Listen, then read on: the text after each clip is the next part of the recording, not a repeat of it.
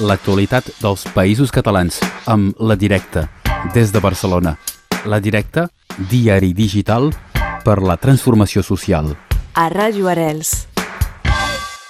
Establim connexió amb la directa des de la seva redacció i tenim amb nosaltres l'Eloi La Torre. Bon dia, Eloi. Bon dia, Laura. I aquesta setmana esteu de, de festa, festa dels 17 anys i sobretot uh, un uh, nou format de la revista en paper. Exactament, sí. Després d'un procés de debats interns molt, molt, molt aprofundit i molt com ens agrada fer-ho a nosaltres, aquesta setmana finalment eh, llancem, eh, concretament avui, publiquem el primer, la primera edició de la revista mensual. Fins ara eh, fèiem una revista cada 15 dies i a partir d'aquest mes de maig eh, doncs serà mensual, sortirem a principis de cada mes, amb un format doncs, molt canviat, amb noves seccions, eh, molt repensat i amb un disseny molt atractiu i també amb més pàgines, amb el doble de pàgines que les que tenia. Les edicions que es coneixien fins ara ens fa molta il·lusió i efectivament el dissabte doncs, ho celebrarem eh, també amb una festeta a l'Ateneu de Nou Barris de Barcelona, però a partir d'avui a tots els punts de venda doncs ja es pot, eh, es pot ja Admira. vulgui fullejar la revista. Admira fins i tot aquest nou uh, disseny, el, el nou paper uh, i uh, en particular aquí a la llibreria catalana de, de Perpinyà. Exacte. Però anem al contingut, mm. perquè no només és que sigui bonic l'embolcall, l'important, sinó que eh, tracteu de seguretat pública i lligat amb el tema de les eleccions municipals que, que tindran lloc a finals de mes. Exactament, a finals d'aquest mes de maig, eh, l'últim diumenge, hi ha eleccions eh, municipals, eleccions municipals locals a tot l'estat espanyol, i bé, un dels debats ja no és, no, no és nou, ni és un fenomen purament de, dels... bueno, és un fenomen de tots els països catalans, però en general és un fenomen europeu. El, el debat sobre la seguretat, i sempre sobretot a, a nivell local, bueno, és un debat que a nivell polític eh, funciona, molts dels candidats que, i candidates que es presenten a les eleccions utilitzen no, l'esquer de la seguretat, d'acabar del combat contra la inseguretat als carrers com a arma electoral. És un, és un debat que nosaltres expliquem en aquest reportatge en part fals, perquè després hi ha en fi, les enquestes eh, més o menys acaben demostrant que no és ben bé un dels eixos de preocupació principal de la ciutadania, però sempre interessa molt doncs, eh, activar-lo, eh, especialment quan, quan venen aquestes eleccions locals, que són molt de les problemàtiques de peu de carrer. D'això en parlem en el reportatge d'obertura, el reportatge de portada d'aquesta nova directa mensual. És un reportatge que l'ha fet la Nora Miralles, que és una periodista especialista en polítiques de seguretat pública, i el que la Nora ha, ha investigat són tots els contractes de seguretat que han, que han fet els ajuntaments i altres corporacions locals de Catalunya i de, del País Valencià amb empreses privades per eh, desenvolupar diverses, eh, bueno, diverses polítiques vinculades amb la seguretat tant d'informàtiques com de tecnologia, sistemes de videovigilància, softwares de, de, que desenvolupen mapes de delinqüència, plans de seguretat, que els han de tenir tots els municipis que tenen policies locals, eh, sistemes d'alarmes i portes per blindar edificis perquè no siguin ocupats, aplicacions de mòbil eh, que serveixen perquè la ciutadania pugui alertar de problemes de seguretat, eh, sistemes de drons eh, per a policies locals.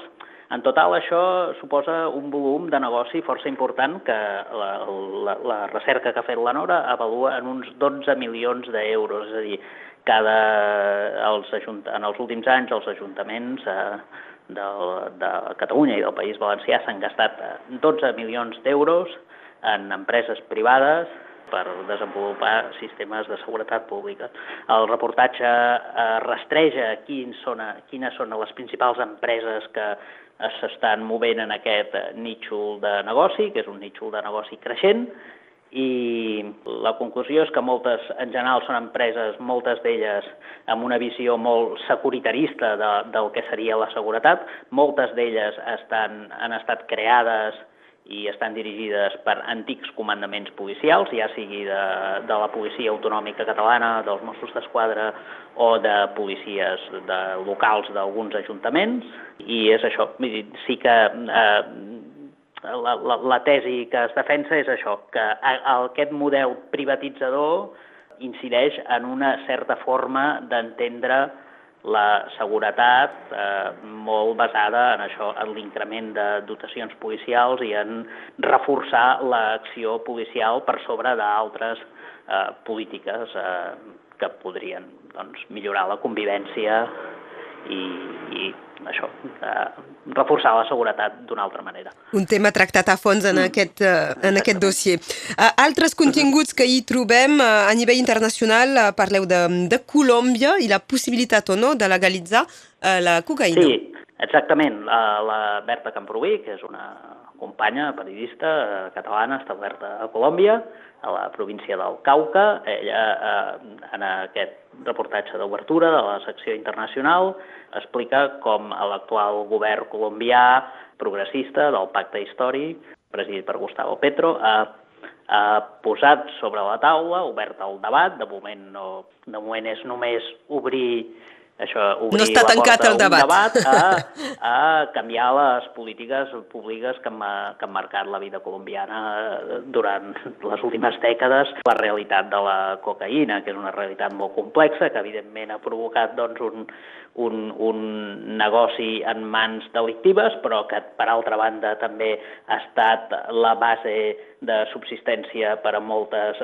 famílies de la pagesia molt humils i doncs, diverses dècades de polítiques públiques de declarar la guerra al narcotràfic doncs, no han acabat amb el narcotràfic i aleshores el que planteja el govern actual eh, ha obert la porta a la possibilitat d'avançar vers a un model de regularització de tota aquesta realitat cosa que està provocant doncs, un intens debat no? a Colòmbia, que, que és molt interessant i que també és un debat a nivell internacional, jo crec. I tant. Altre tema de, de debat a nivell internacional és l'intel·ligència artificial. Ho tracteu a, eh, amb una entrevista a Vicent Costa. Uh, la Gemma Garcia, uh, una, uh, la, la secció que dedicarem a partir d'ara a una entrevista en profunditat que contindrà cada número d'aquesta nova directa, ha entrevistat en Vicent Costa, que és un filòsof, uh, científic, matemàtic, especialista en intel·ligència artificial i l'entrevista doncs, és un tema que ara està una mica en boca de tothom i el Vicent Costa en aquesta conversa uh, fa un discurs així a mig camí, que no, a mig camí entre l'alarmisme apocalíptic, però també el triomfalisme això, complaent, crític, crític amb, amb, amb, el, amb els models econòmics que estan, que estan al darrere de tot això, però, però ja et dic, vull dir, una entrevista de, de reflexió molt interessant al voltant d'aquest fenomen que yeah. és de gran debat. I acabarem amb un altre fenomen, la, la cultura i el mm. retorn de, de formats com bo, el vinil mm. fa, fa molts anys i amb col·leccionistes, però fins i tot el, el VHS. Sí, eh, en una secció nova que li diem ideari, on volem ajuntar, a veure si ens en sortirem, eh, cultura amb, amb idees i reflexions del món actual, hem, en Pol Julià Pasqual ha escrit un, un reportatge, també creiem que força interessant, al voltant dels fenòmens que, que comentes, de, de, cert, de la recuperació de certs formats que semblava que ja destinats a morir de consum cultural, formats, eh, podríem dir físics, analògics, digue-li com vulguis, sobretot ell es centra en consum audiovisual més que no pas en, en lectura.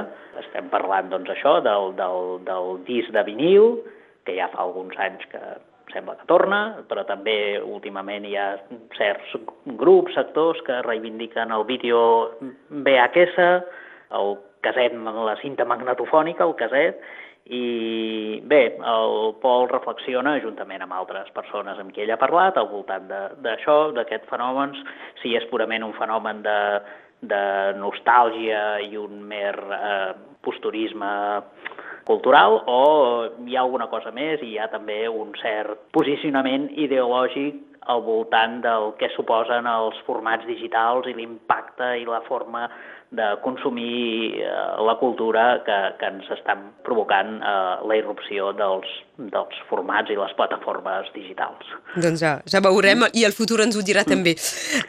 Veurem. Aquest, aquests temes i molts altres en aquest uh, nou disseny de la revista en paper mm. des de la Direct i avui n'hem parlat amb l'Eloi Lator. Us recordo que igualment podeu continuar consultant la web és direct.cat. Moltes gràcies, Eloi. Moltes gràcies a tu, Laura. Que vagi molt bé la festa. Adiu. Adéu. L'actualitat dels països catalans amb La Directa, des de Barcelona. La Directa, diari digital per la transformació social. A Ràdio Arels.